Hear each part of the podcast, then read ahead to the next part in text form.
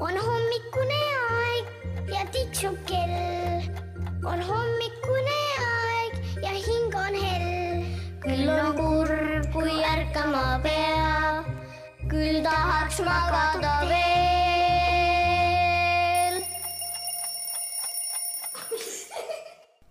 hommik, hommikujutt, hommik, hommik on käes ja siin on meil kirjanik Epp Petrone, seitsmeaastane Maria, kümneaastane Mirjam, kümneaastane Iisi ja me ajame teid üles, me kujutame ette, et teie alles seal kuidagi võib-olla piikutate, magate, igal juhul teate seda tunnet kindlasti.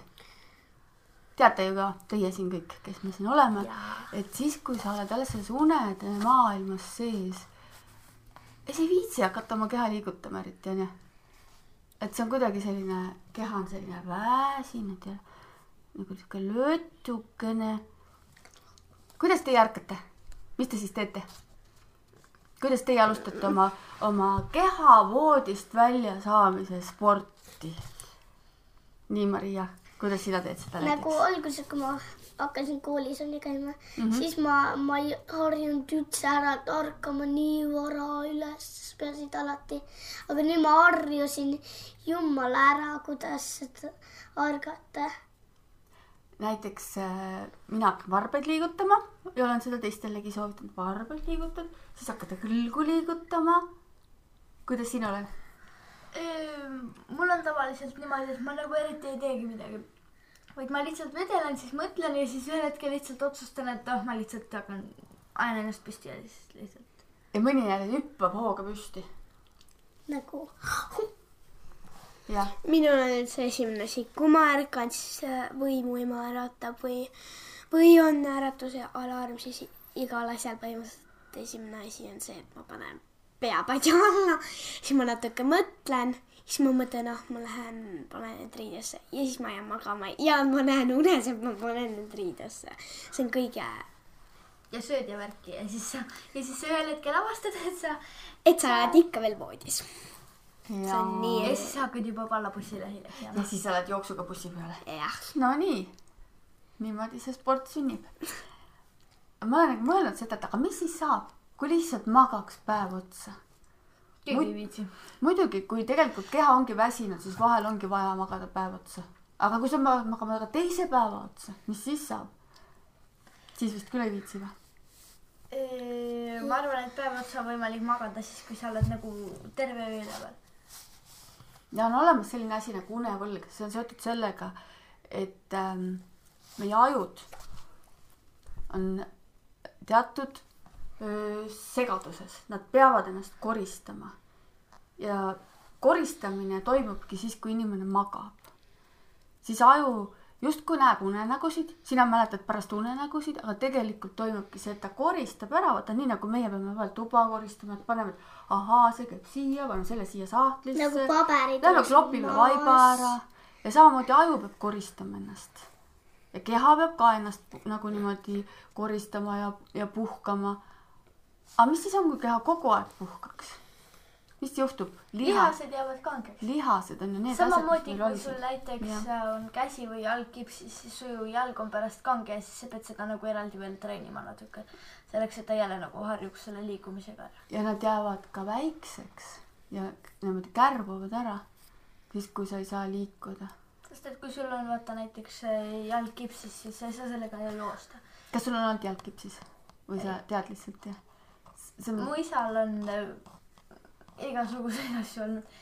tal on äh, käe peal mingisugune arm ja siis tal on mingi, siis ta kaks korda ühel talvel, ta lihtsalt kõndis ähm, või no esimene kord juhtus niimoodi, et me läksime Kelgumäele ja siis ta jooksis niimoodi ja siis ta libises, ta vedas meid kelguga omaega ja siis see ja siis ta kukkus niimoodi põlve peale ja siis see vist äh, läks seal midagi katki, aga siis me sõitsime koju.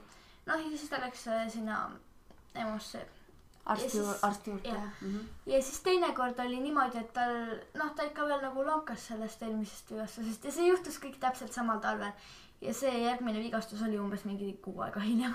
ja siis ta lihtsalt kõndis saunast ähm, nagu elumajja ja siis ta lihtsalt libis ja siis äh, ja siis see juhtus praktiliselt sama asi teist korda. ja siis ta peabki nüüd vaatama et ta ei tohi nagu üle pingutada, aga ikkagi on vaja sporti teha, sest muidu läheb ainult hullemaks, kui üldse sporti ei tee. ja et sellepärast ongi nagu keha vajab sporti, sest et siis, kui me niimoodi liigutame ennast, Maria, kas sina kardad sõna sport? sina ütlesid enne, et sina ei tea, mis asi on sport. ei, ma ei Aga- tea midagi sport. sa ei tea midagi spordist?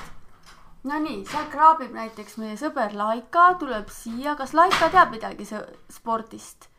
Laika, mine lase Laika siia, las ta tuleb ka siia, Laika räägib meile spordist. Laika iga hommik, kui tema ärkab, Laika on seal teises toas, me mõtlesime, et ta ei tule seekord meiega juttu ajama siia, aga ta tahab ikka ka tulla, onju. no ütle, Laika on sinu koer, ütleme, kui Laika ärkab hommikul üles, kas ta teeb midagi? Mina aiman, et ta sirutab, ta teeb tegelikult ühte joogaharjutust. ja tavaliselt eh, koerad ja nagu kassid, kui nad on pikka aega kuskil lamanud, siis nad nagu, nagu kummardaksid ette lihtsalt, et nagu käpad on maas ja siis nad nagu. jaa, aga kusjuures kassid teevad natuke teistmoodi. Aga ongi täpselt see poos. kuule, Laika, tule räägi meile spordist, tule räägi meile sellest, kuidasmoodi. aga kuidas tal saba nii kiiresti käib? ja tal on vist, kas sabaga teeb väikest sporti, kui koer liputab saba, siis tal on hea, hea tuju, tal on väga hea meel, et me teda võtsime siia kampa. aga joogapoos ongi nimega koer. ja see on täpselt selline, nagu koer ringutab. täpselt selline. ta on äh, niimoodi, käed niimoodi ette ja siis mõnusalt, mõnusalt ringutad. ja ühte ma ütlen jooga on väga tähtis asi kõigile, koertele, kassidele, lastele, vanainimestele, mina olen Indias käinud, et Indias peaaegu kõik inimesed teevad joogat. et see, see on niimoodi, et nad tahavad olla vanad ja terved ja noored ja terved. nii, ja siis sa jooksed vallabussi peale. ja, ja see ongi sport. saad aru, Maria? ja, ja mis sa siis teed, kui sa tuled koolist koju? miks sa hakkad ronima üles, miks sa tahad kogu aeg ennast kuidagi kuskil keerutada ja väänutada ja? sellepärast, et mulle meeldib trikke teha. lihtsalt, kui meil oli Tartus siis batuut, mina ei osanud saltot. no vot, ja kiikudes tegid trikke ja no koerakene siin krõbistab. aga see ongi sport, saad aru? salto on väga hea sport, sa keerad enda pea ja, ja paned jalad ümber. nagu kuuk-, kukerpall ainult õhus. Laika on näiteks Hurda sugulane ja noh, Hurt on üks nagu koeratõug. ja, ja siis äh, hurdad on nagu, vahel mõned hurdad on nagu spordikoerad ja siis tehakse mingeid jooksuvõistlusi nagu koertele. see on üks asi, mis Nagu- on hea, kui sul on koer. nagu ongi Et mingisugune koeraga nagu, õue. nagu rallirada, mitte mingi takistusrada ja siuke värk, vaid ongi nagu koerad võistlevad nagu, et kes on kiirem. võidujooksus jah? ja, ja Laikale meeldib ka hästi joosta ja talle täpselt mm -hmm. samamoodi see rinnakord nagu hurtadel on. Mm -hmm. see vä? ta on näguga peas. see vä? see nagu see luu on nii imelikult pandud. Kui ta pikutab, siis ta nagu. ta on siit täiega. pandud jah, kes see pani? jumal pani, nagu looja pani, loodus pani. kui, kui ta nagu pikutab, ta näeb välja nagu ta oleks väga paks, aga kui ta laiab maha, ma näen, et mingi luu läks nii imelikult laikale. ja Laika on väga hea sportlikus lihtsalt, sellepärast, et ta, et ta käib vahepeal ja jookseb ringi. näed siin, see on, siin on see.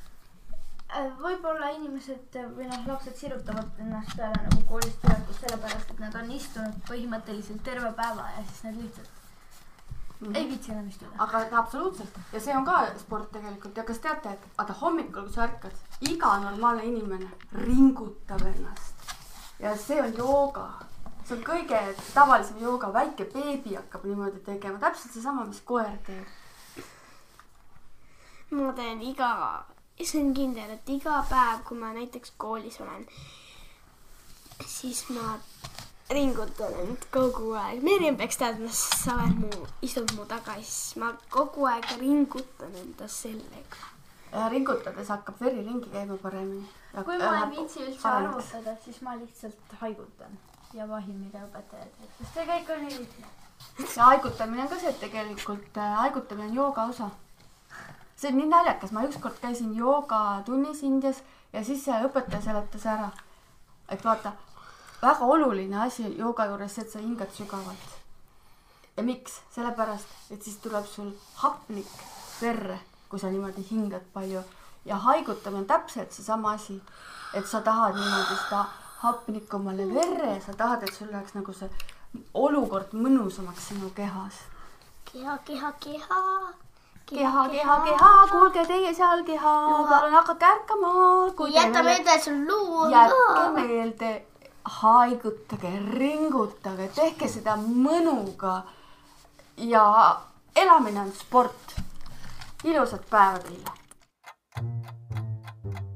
on hommikune aeg ja tiksub kell.